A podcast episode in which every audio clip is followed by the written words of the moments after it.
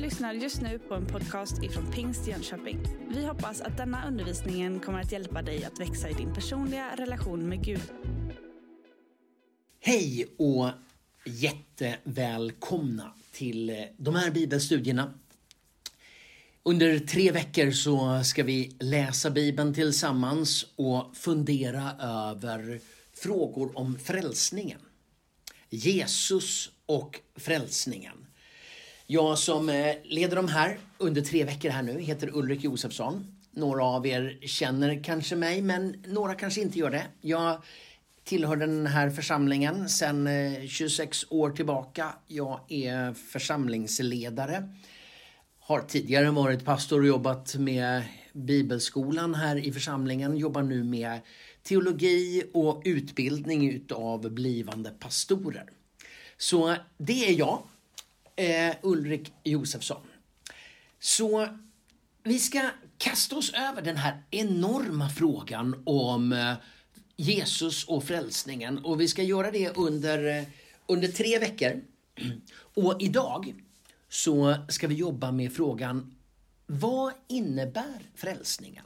Hur ska man förstå det ordet? Vad är det för en typ av storhet? Några av er kanske har erfarenhet av frälsningen, att bli frälst. För någon är det bara ett ord. Och i dagens språkbruk så har ju frälsning blivit ganska avskärmat från eh, det kristna eller det religiösa språkbruket. Idag när begreppet frälsning används så är det ju inte sällan i, i sportterminologi. Den och den fotbollsspelaren frälste sitt lag i sista minuten. Och med det menar man att här var en person som gjorde en så betydande insats för laget. Kanske gjorde ett mål, kanske räddade motståndarens målförsök som ledde till att hela laget fick en annan utgång av matchen. Så används begreppet frälsning idag. Frälsaren är här. Och då kan det vara någon väldigt duktig idrottsman eller på något annat sätt. För kristet språkbruk så har ju frälsningen helt andra betydelser, helt djupare betydelser. Men i grunden är det samma sak. Någon har gjort så betydande insatser att hela mänskligheten får en helt annan förutsättning i livet och i evigheten. Så idag ska vi jobba med frågor om vad innebär frälsning? Nästa vecka, då kommer vi arbeta med frågan hur blir man frälst? Och den tredje veckan, då ska vi fundera över frågan hur frälst kan man bli? Det är de tre frågorna. Men idag gäller alltså vad innebär frälsningen? Och vi ska ta vår utgångspunkt i en bibeltext ifrån Romarbrevet. De elva första verserna i det femte kapitlet. Så slå gärna upp din bibel, Romarbrevet, det femte kapitlet, från vers 1 till vers 11. Och där skriver Paulus så här. Då vi nu har gjorts rättfärdiga genom vår tro har vi frid med Gud genom, äh, Gud genom vår Herre Jesus Kristus. Han har gett oss tillträde till den nåd vi nu lever i. Och vi är stolta över hoppet att få del av Guds härlighet. Mer än så. Vi är stolta över våra lidanden eftersom vi vet att lidandet skapar uthållighet. Uthålligheten fasthet och fastheten hopp. Och hoppet sviker oss inte, ty Guds kärlek har ingjutits i våra hjärtan genom att han har gett oss den heliga Anden. Medan vi ännu var svaga dog Kristus för alla gudlösa när tiden var inne. Knappast vill någon dö för en rättfärdig. Kanske går någon i döden för en som är god. Men Gud bevisar sin kärlek till oss genom att Kristus dog för oss medan vi ännu var syndare. Då vi nu har gjorts rättfärdiga genom hans sons blod ska vi av honom så mycket säkrare bli räddade från vreden. Ty om vi var Guds fiender och blev försonade med honom genom hans sons död, då ska vi, när vi nu är försonade, så mycket säkrare bli räddade genom hans sons liv. Ja, inte bara det. Vi har vår stolthet i Gud tack vare vår Herre Jesus Kristus genom vilken vi nu har vunnit försoningen. Gud, vi tackar dig för ditt ord, för ditt levande och heliga ord, för ditt ord genom vilken du talar om dig själv till oss. Öppna våra sinnen genom din heliga Ande så att vi kan förstå vem du är, vad du gör och vad du vill säga. Och låt oss tänka tillsammans, tänka med dig och fördjupas i förståelsen av vilka vi är, vem du är och vad frälsningen innebär för oss. Amen. Det här är ju en fantastisk text. Ska jag vara helt ärlig så är det en av mina favorittexter. Här finns så många delar, så många dimensioner och det är ju nästan alltid så när, när Paulus skriver att han väver liksom saker samman och det, eh, det läggs så många lager. Eh, ska vi packa upp några delar i den här bibeltexten? Eh, och om vi börjar i vers 1. Då står det så här. Då vi nu har gjorts rättfärdiga genom tro har vi frid med Gud genom vår Herre Jesus Kristus. Alltså, här finns, eh, här finns något som redan är gjort. Vi har gjorts rättfärdiga. Och det har lett till att vi har frid med Gud. Jag är av den uppfattningen att det är viktigt med detaljerna i bibeltexten. Och bara en sån här sak som verbformen i vers 1 här. Vi har gjorts rättfärdiga. Två saker kan sägas om det. Det ena är att det är i historisk form. Det är, eh, det är någonting som redan har skett. Det är inte vad vi har eh, nu, utan vi har gjorts. Det är en perfekt form, det är någonting som redan har skett. Det vi får i frälsningen har sin grund i vad som redan har gjorts. Och genom det som har gjorts så har vi gjorts rättfärdiga. Det är ingenting som behöver skapas, det är ingenting som behöver uppfinnas, det är ingenting som behöver göras utan det har gjorts. Och det som har gjorts har lett till att vi har gjorts rättfärdiga. Så det, är redan, det har redan skett. Det ligger i historien. Någon har redan gjort detta. Det andra vi kan säga om det, det är det här lilla s på gjorts. Det indikerar passiv form. Vi har gjorts rättfärdiga. Det är inte vi som har gjort oss rättfärdiga.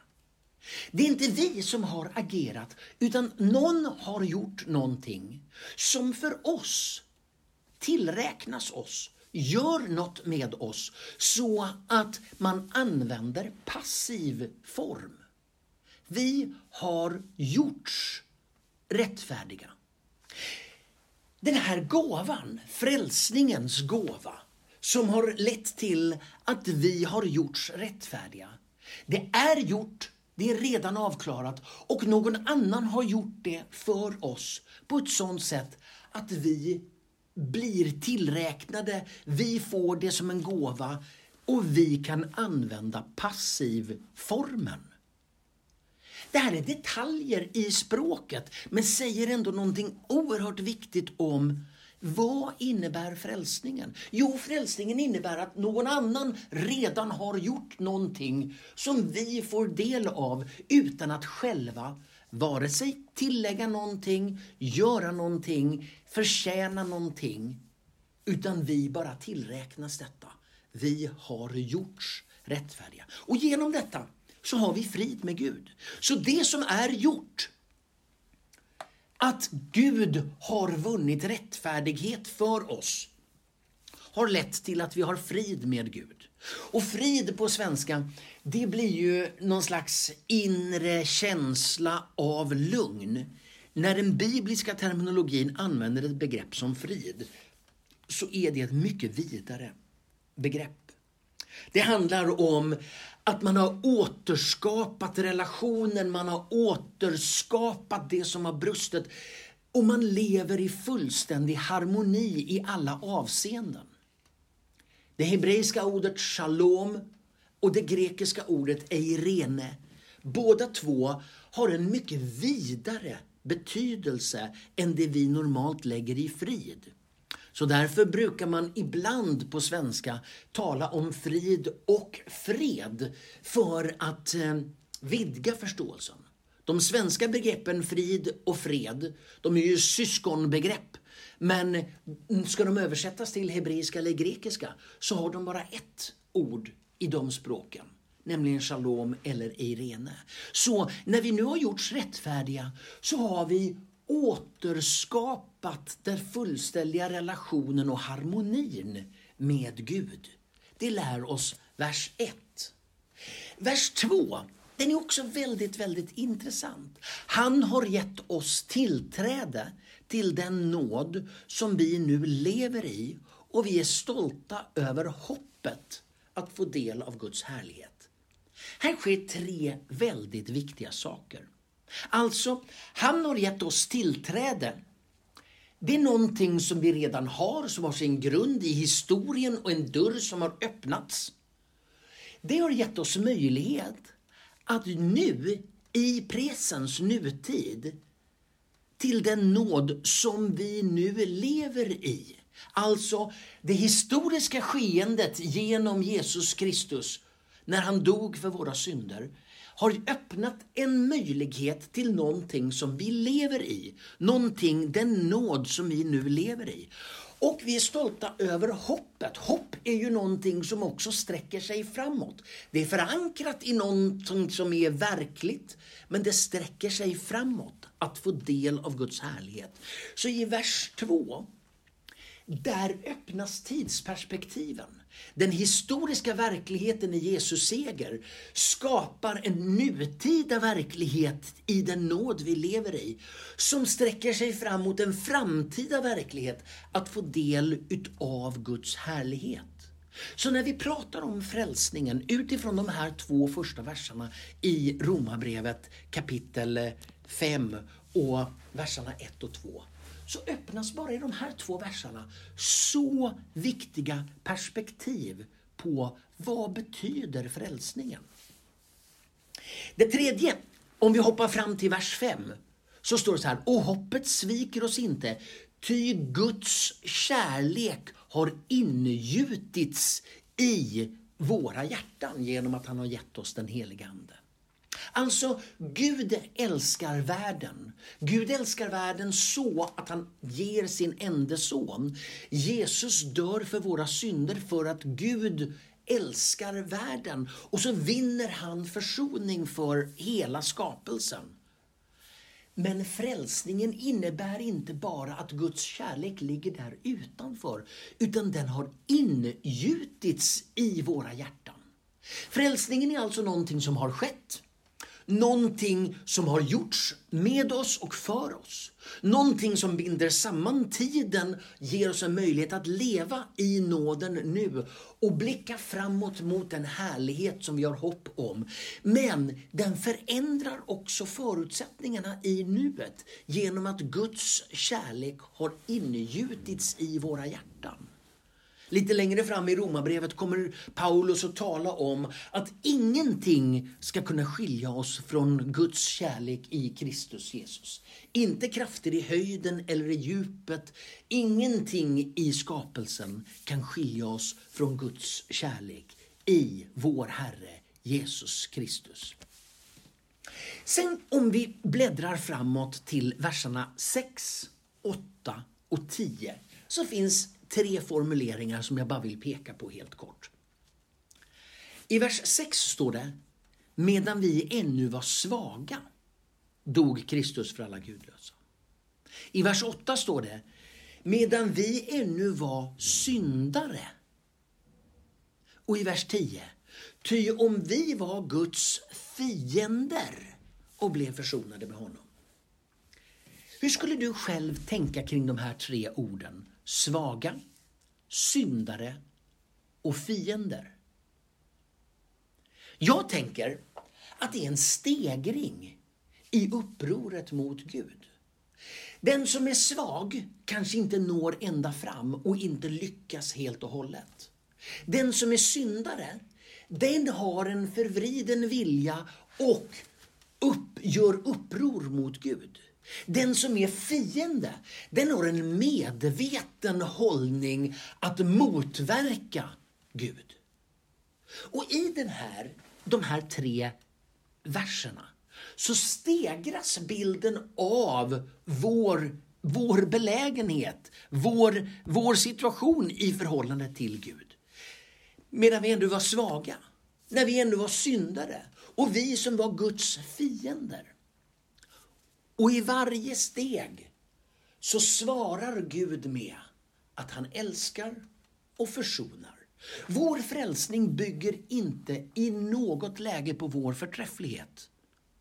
Vi är ju svaga, syndare och fiender. Men den väger, den, den vilar på att Gud försonar världen med sig.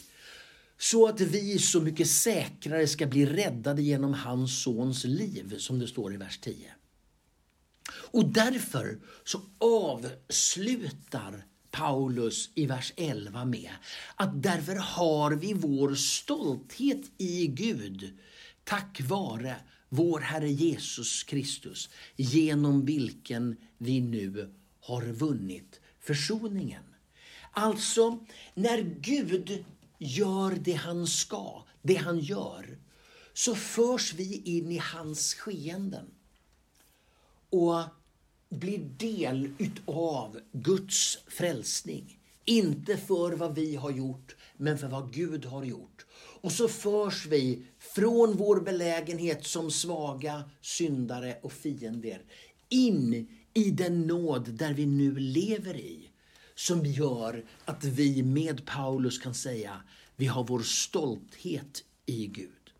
Så låt oss dra några slutsatser av det här. Gud är alltid startpunkten. Det är inte vi som tar initiativet.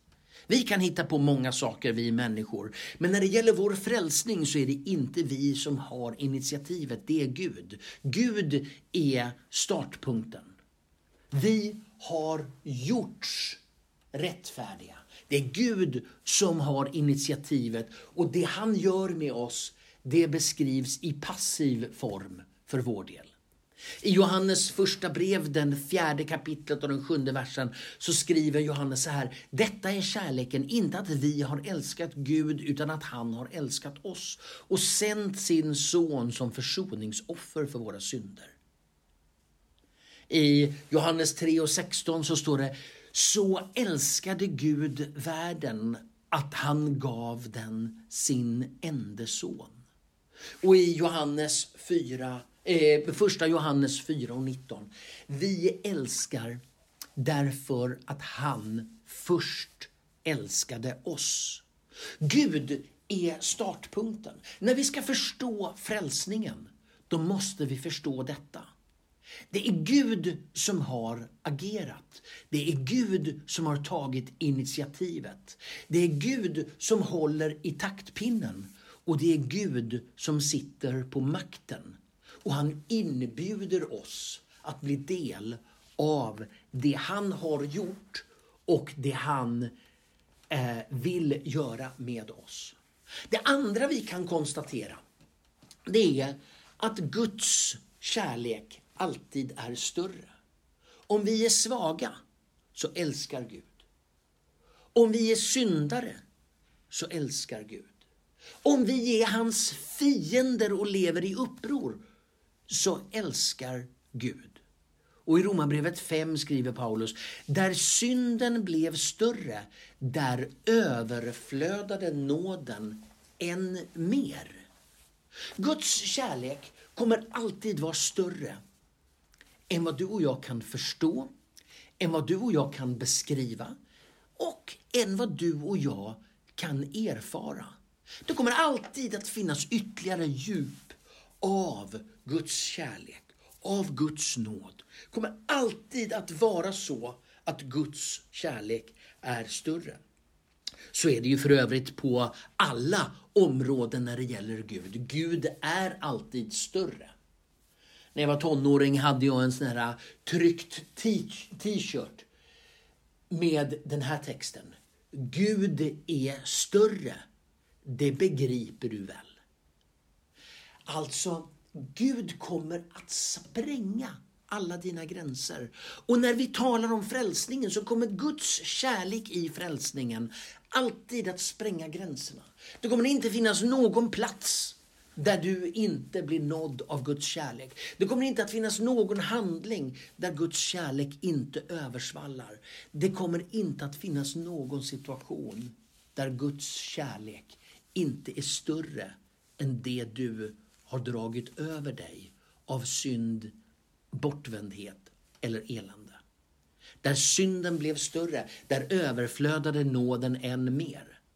Och i Efesierbrevet skriver Paulus här så att ni tillsammans med alla de heliga lär känna Kristi kärlek som är väldigare än all kunskap. Här talas om att vi tillsammans med alla de heliga ska försöka förstå olika dimensioner utav Guds kärlek. Höjden, bredden, djupet, längden. Olika dimensioner utav den här storheten. Lär känna Kristi kärlek som är väldigare än all kunskap. Här är det viktigt att känna till på svenska, det är ju att ha en vag uppfattning om någonting. Jag känner till något om det där. Känner du den här personen? Nej, jag känner inte den personen, men jag känner till. Alltså att känna till någonting, det en distansfull kunskap. Och här säger Paulus, så att ni lär känna Kristi kärlek som är väldigare än all kunskap.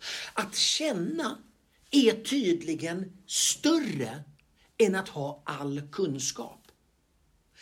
När vi förstår vidden av Guds kärlek så kan vi bygga kunskap kring det. Och det är ju det vi försöker göra nu. Att bättre förstå vad innebär frälsningen? Hur stor är Guds kärlek i Kristus? Hur ska vi förstå kärleken i frälsningen.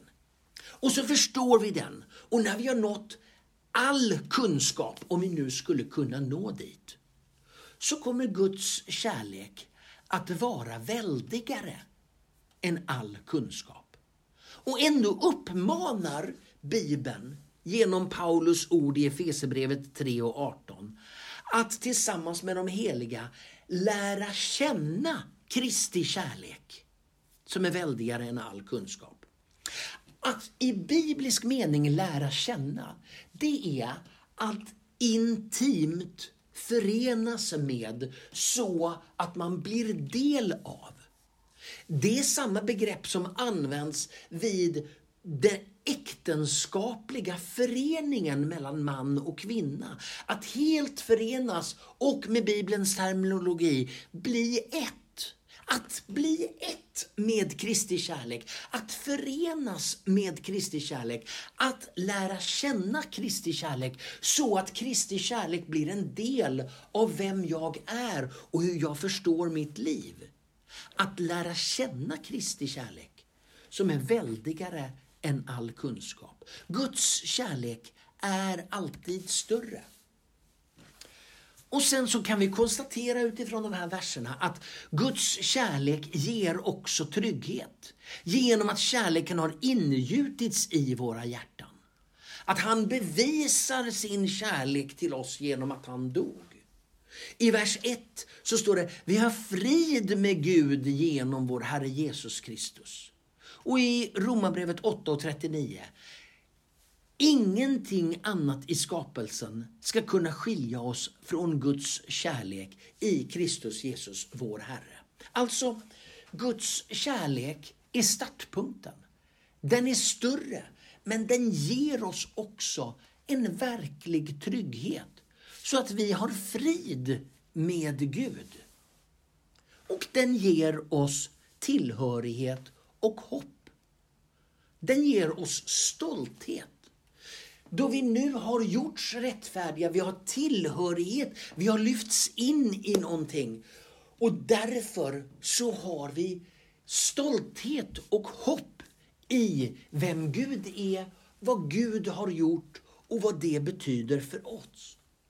I första Petrusbrevet står i vers, eh, kapitel 1 och vers 3. Han har fött oss på nytt till ett levande hopp genom Jesu Kristi uppståndelse från de döda. Så när vi nu summerar eh, de här 25 minuternas inledning med utgångspunkt i Romarbrevet kapitel 5 så kan vi konstatera att frälsningens centrum det är Guds kärlek genom Jesus. Sen kan man bena upp det här och försöka förstå olika begrepp, försöka tolka frälsningens mysterium och det ska vi göra alldeles strax. Men vi får aldrig glömma, vad är det som är frälsningens centrum? Jo, det är Guds kärlek genom Jesus Kristus, vår Herre. När Bibeln sen ska tala om det här så används en rad olika begrepp. Och jag tänker att om, om Bibeln hade varit en instruktionsbok som liksom bara skulle förklara hur använder man det kristna livet? Ja, då skulle den liksom ha definierat och så skulle man ställt upp på punkt 1 och om du redan är klar med punkt 2 så kan du hoppa direkt till punkt 4 och så vidare. Så funkar inte Bibeln. Bibeln skisserar med en mängd bilder med olika begrepp som säger delvis olika saker men som kompletterar bilden. Det är ungefär som när man ska reda ut vad som har skett i en rättegång. Så lyssnar man till vittnen. Vittnena säger inte exakt samma sak. Ibland kan vittnena nästan säga emot varandra, men tillsammans så skapar de en helhet som skapar förståelse för vad är det som faktiskt har hänt. Jag säger inte att Bibelns begrepp säger emot varandra.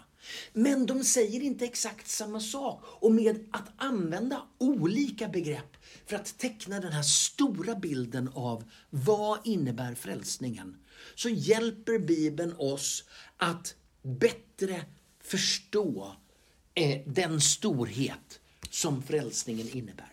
Låt oss närma oss några av de här begreppen nu. Då, då. Eh, och det första är begreppet frälst eller frälsning.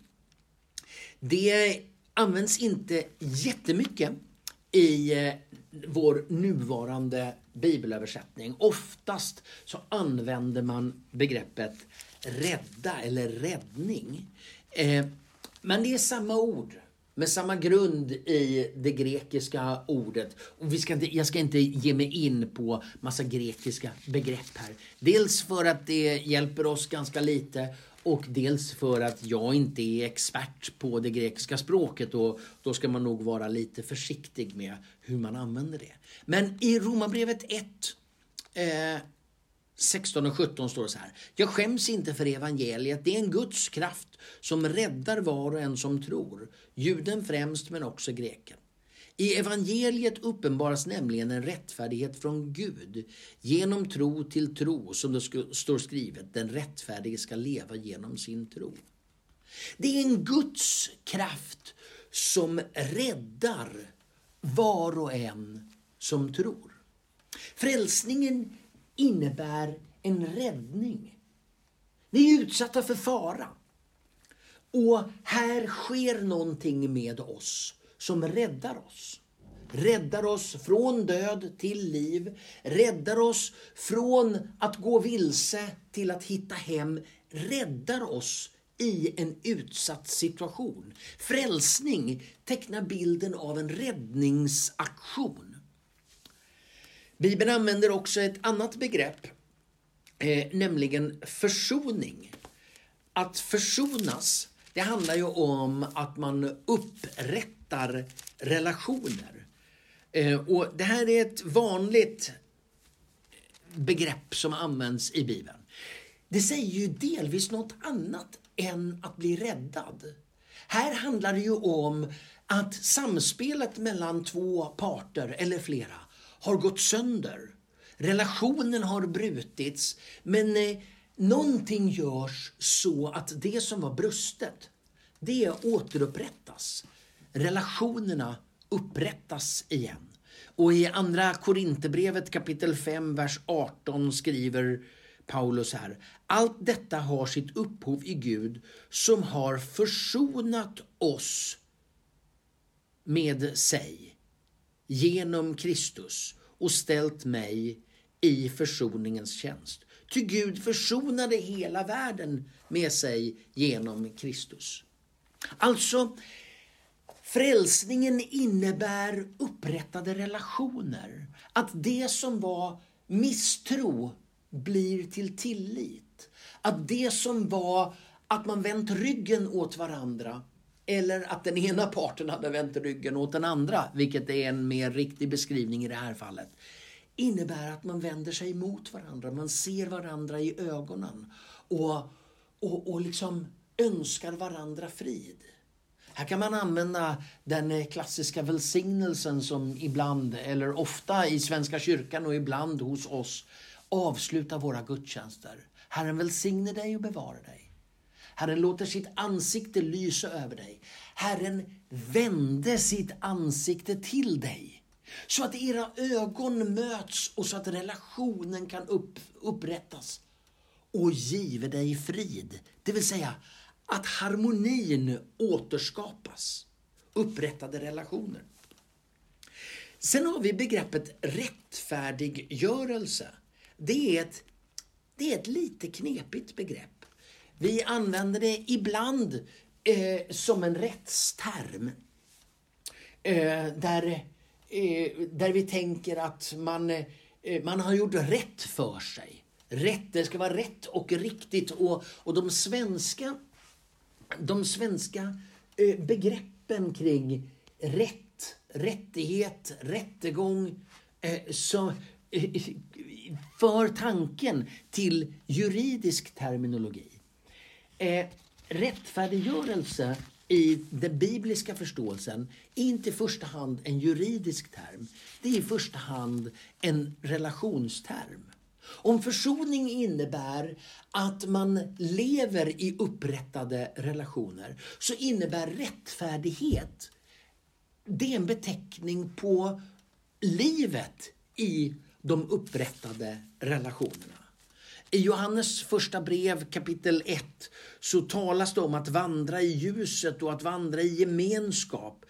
Eh, men om vi vandrar i ljuset, liksom han i ljuset, då har vi gemenskap med varandra och blodet från Jesus, hans son, renar oss från all synd. Om vi säger att vi är utan synd bedrar vi oss själva och sanningen finns inte hos oss. Om vi bekänner våra synder är han trofast och rättfärdig så att han förlåter oss synderna och renar oss från all orättfärdighet. Gud är alltid rättfärdig. Gud lever alltid i upprättade relationer. Men vi kan genom vårt handlande, genom vår synd, så kan vi bryta den rättfärdighet som vi är tänkta att leva i. Men när vi försonas, när vi lever i frälsning, då upprättar Gud, då låter han sin rättfärdighet bli vår rättfärdighet så att vi kan leva i upprättade relationer. Ytterligare en sån term, det är pånyttfödelse. Det är ju ganska uppenbart. Här är en start för det nya livet med Gud. I Johannes, det tredje kapitlet, så möter vi Jesus samtal med Nikodemus om att man behöver bli född på nytt. Att nystarta. Det finns en början på det nya livet. Frälsningen innebär pånyttfödelse, en ny start. Att man lever i ett nytt förhållande, att man lever i ett nytt liv. Det gamla är förgånget, något nytt har kommit, säger Paulus i Andra Korinthierbrevet. Pånyttfödelse är ytterligare en sån här term. Och slutligen, är det är inte slutligen, vi skulle kunna hålla på länge, men i min lista så blir det slutligen heliggörelse. Som ju är också en term för frälsningen, livet i frälsningen. Ett uttryck för det nya livet i Gud. Jag tycker väldigt mycket om första Johannes brev, det tredje kapitlet. Lyssna, i början av det tredje kapitlet. Vilken kärlek har inte Fadern skänkt oss när vi får heta Guds barn? Det är vi. Världen känner oss inte därför att den aldrig har lärt känna honom. Mina kära, när vi nu är Guds barn eh, eh, eh, nej, mina kära, nu är vi Guds barn men det har ännu inte blivit uppenbart vad vi kommer att bli. Vi vet dock att när han uppenbarar sig kommer vi bli lika honom, ty då får vi se honom sådan han är. Var och en som har detta hopp till honom renar sig själv liksom han är ren. I den här texten så finns flera saker som är så viktiga. Kärleken från Gud, vilken kärlek har inte Fadern visat oss? Eh, att vi får vara Guds barn. Han har skänkt oss barnaskapet. Det är vi. Men det har ännu inte blivit uppenbart vad vi kommer bli. Frälsningen är inte bara ett tillstånd, det är också en resa, en utveckling på väg mot den fulla frälsningen. Och när vi får se honom, då ska vi bli lika honom. Och eftersom vi har den här grunden i frälsningen och hoppet om den kommande frälsningen, så lever vi i frälsningen. Var och en som har detta hopp till honom renar sig själv liksom han är ren. Frälsningen är som det samlade begreppet för hela erfarenheten av att Gud räddar, för oss in i ett nytt liv och sätter oss i goda relationer med sig själv och allt runt omkring. För att vi ska växa i det livet. Frälsningen är alltså ett samlingsbegrepp för livet med Gud. Låt oss säga någonting om frälsningen och modellerna.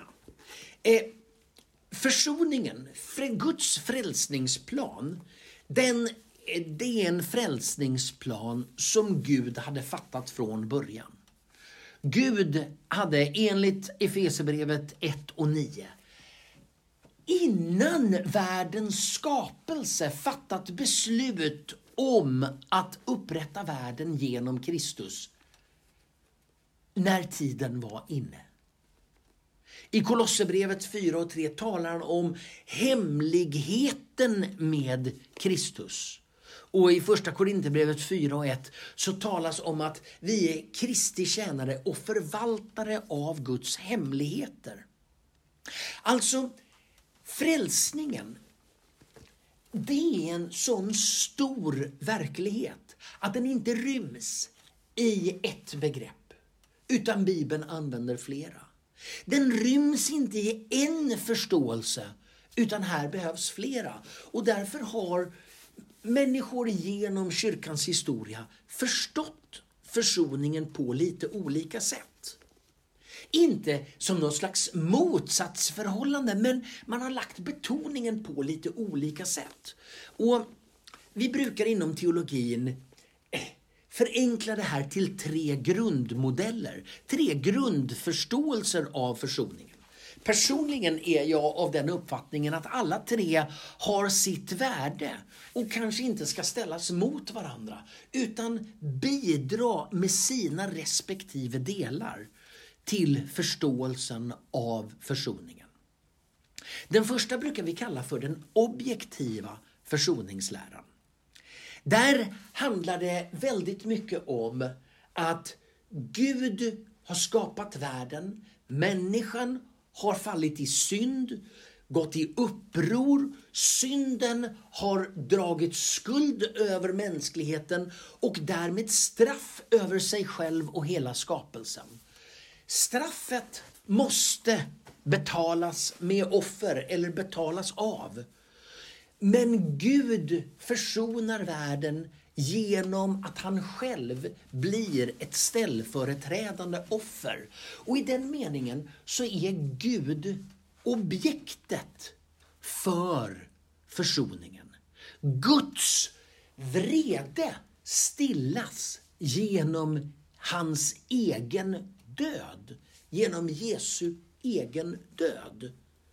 Ett ställföreträdande offerlidande med fokus på offerterminologi, med fokus på ställföreträdande, med fokus på korset, blodet och att skuld, synd och vrede upphävs genom Kristi ställföreträdande offer.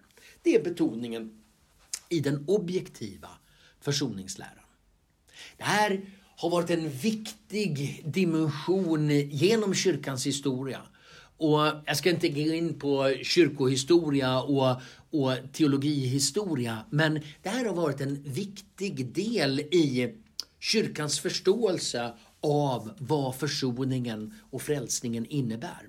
Och i svensk frikyrklighet så har det här också varit väldigt starkt betonat. Och i många utav frikyrkans och inte minst pingströrelsens sånger så sjunger man om blodet, om korset, om ställföreträdande offer och så vidare. och så vidare. Den andra sättet att se på försoningen brukar vi kalla för subjektiv försoningslära. Här lägger man fokus på att Gud är subjektet. Att det är Gud som agerar. Som vi läste i Romarbrevet 5 och 1. Att Gud har liksom, vi har gjorts rättfärdiga. Det är Gud som agerar. Och vad är det som driver Gud att agera? Jo, det är Guds kärlek. Ty Gud älskade världen så han sände sin egen son.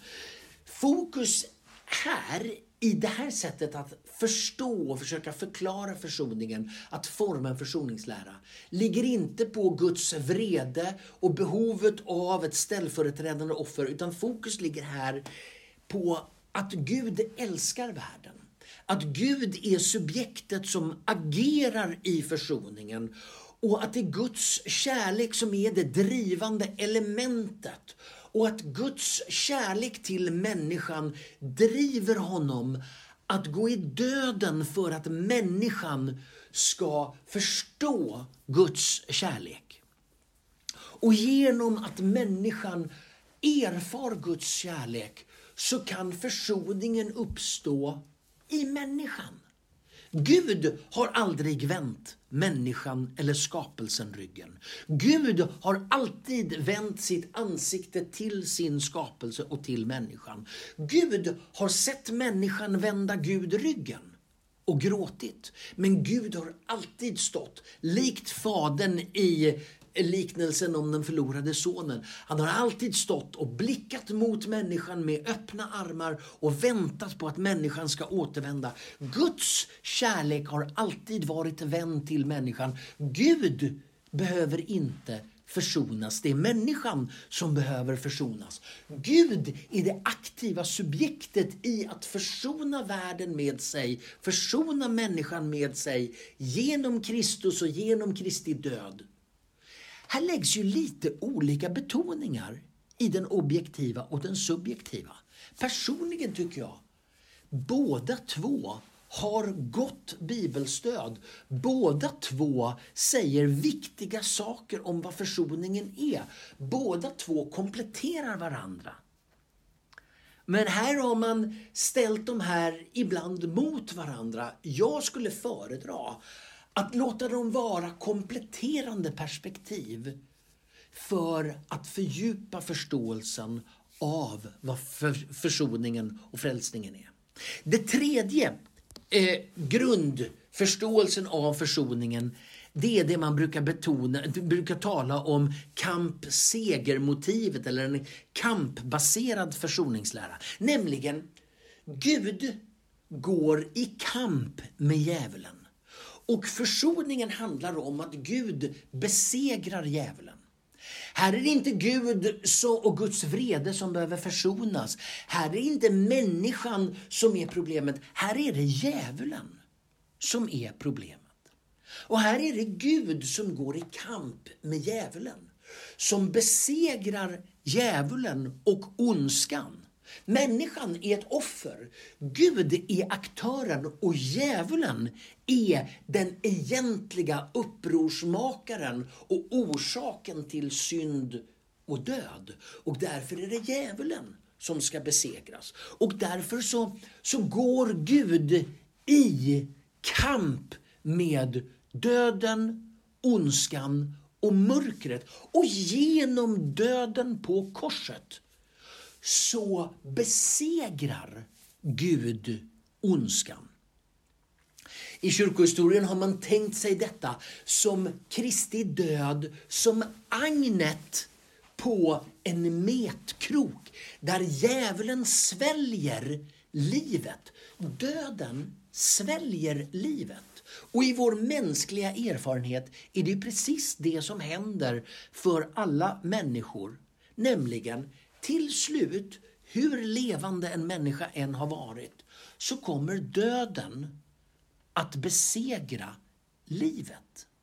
Men i Guds perspektiv så är livet starkare än döden. Och när döden och dödsriket och dödens herre, nämligen djävulen, sväljer livets son, så kommer livet att inifrån döden besegra döden och öppna en dörr i dödsriket.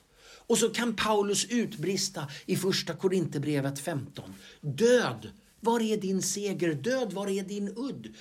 Dödens udd är synden.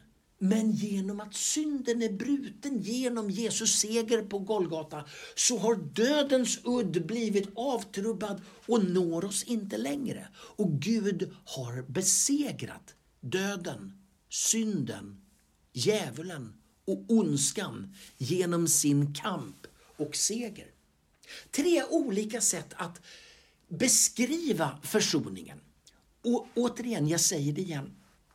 För mig är detta inte motstridiga dimensioner utan komplementära beskrivningar. Alla tre har gott bibelstöd. Och vi tjänar inte på att ställa dem mot varandra utan ställa dem med varandra för att tillsammans med alla de heliga förmå fatta höjden, bredden, längden och djupet och nå fram till eh, att lära känna Guds kärlek i Kristus Jesus som är väldigare än all kunskap och som spräcker våra kategorier och våra indelningar. Och på det sättet så öppnas en större förståelse av vad frälsningen är. Låt mig avsluta med att bara kort lista några saker. Frälsningen innebär ju å ena sidan frälsning från det finns en rad saker som frälsningen räddar oss från. Om frälsning innebär att bli räddad, det är en Guds kraft till räddning för var och en som tror. Läste vi för en stund sedan i Romarbrevet kapitel 1, vers 16 och 17. Vad räddas vi från? Ja, vi räddas från synden. Den här destruktiva kraften som för oss bort från Gud, för oss bort från oss själva, vänder oss in i oss själva, bort från det vi är tänkta att vara. Frälsningen hjälper oss att vända oss bort från synden, bli fria från synden. Den vänder oss också bort från det synden skapar i våra liv, nämligen skuld inför Gud. Och i Kolosserbrevet talar Paulus om att Gud har betalat skulden, han har sönderrivit skuldbrevet. Han har rivit räkningen. Han har betalat skulden eller han har rivit sönder den, han har spikat upp den på korset med Kristus. Så den skuld som var förknippad med vår brist, med vår, med vår synd, med vårt uppror och med vår fiendskap. Den är utraderad. Vi är frälsta från skulden. Vi är därmed också frälsta från domen. Nu finns ingen dom. Det blir ingen fällande dom för den som är i Kristus, säger Romarbrevet 8 och 1. Det blir ingen fällande dom. Vi är räddade undan domen. Allt det som synden, skulden, drog över oss av dom, det är borta i frälsningen. Vi är frälsta från domen. Och därmed är vi också frälsta från djävulens makt. För Gud har besegrat djävulen i eh, Kristus Jesus. Och I Filipperbrevet talas ju om hur Kristus lämnar, Jesus lämnar himlen, blir människa, dör på ett kors för att upprätta hela skapelsen. Och så avslutas det här stycket i Filipperbrevet 2 med att därför ska alla knän i himlen, på jorden och under jorden, alla knän, de som tror, de som inte tror, de som är Guds fiender, även djävulen.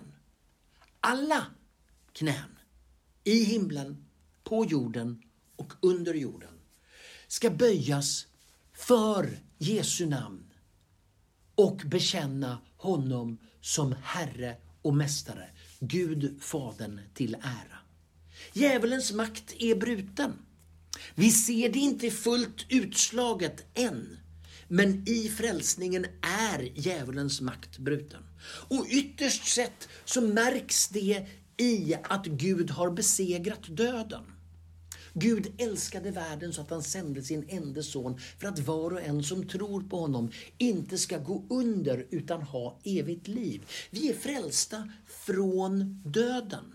Ja, vi kommer att dö här i det jordiska livet. Eh, efter ett antal år. Några kortare, några längre. Men döden når oss alla. Men frälsningen innebär att den här mänskliga döden i det jordiska livet inte är slutpunkten. Utan döden är besegrade och frälsningen ger oss frihet från döden men också från sjukdomar, brister. En del av oss upplever den befrielsen i olika avseenden här på jorden. Men alla kommer vi att få uppleva frälsningens befrielse från sjukdom, brist och död i sin fullhet när vi får del av hoppet. Vi är också frälsta till. Vi är frälsta till evigt liv. Och det, har vi, det är ju så att säga pandangen eller motsvarigheten till att döden är besegrad. Vi ska inte gå under utan ha evigt liv. Vi är frälsta till barnaskap. Tänk vilken kärlek Fadern har visat att vi får heta Guds barn. Det är vi. Men åt alla de som tog emot honom gav han rätten att bli Guds barn. Att bli barn till Gud, att få del, bli del av den familjen, att flyttas in och få del utav det arvet som ligger inbäddat i det. Det är vi frälsta till. Vi är frälsta till gemenskap. Nu har vi gemenskap med Fadern och Sonen och vi har gemenskap med varandra. Och Bibeln använder bilden av en kropp där vi har, liksom, vi har fogats samman. Vi är inte ensamma. Vi är insatta i gemenskap. Och därmed så har vi också fått frälsta till upprättelse. Allt det där som har gått fel, som gått sönder, som inte blivit som vi tänkt. Där du och jag skäms och där du och jag misslyckas och där du och jag sårar andra.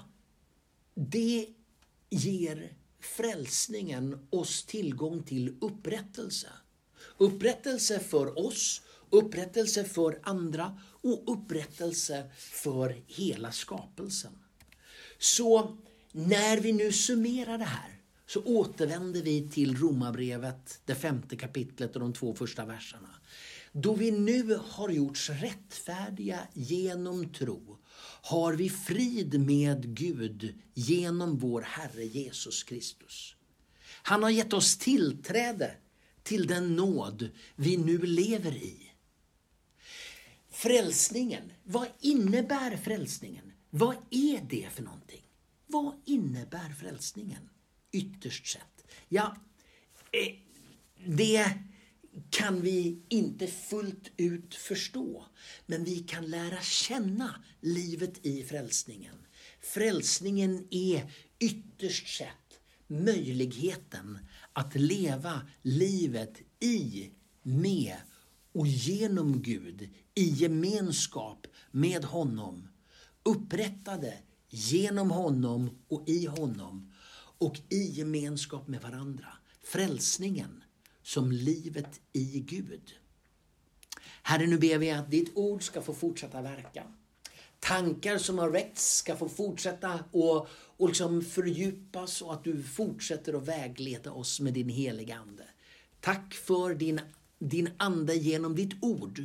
Och nu ber vi dig att din Ande fortsätter att vägleda oss och fördjupa oss i förståelsen av vem du är, vad du har gjort för oss i frälsningen.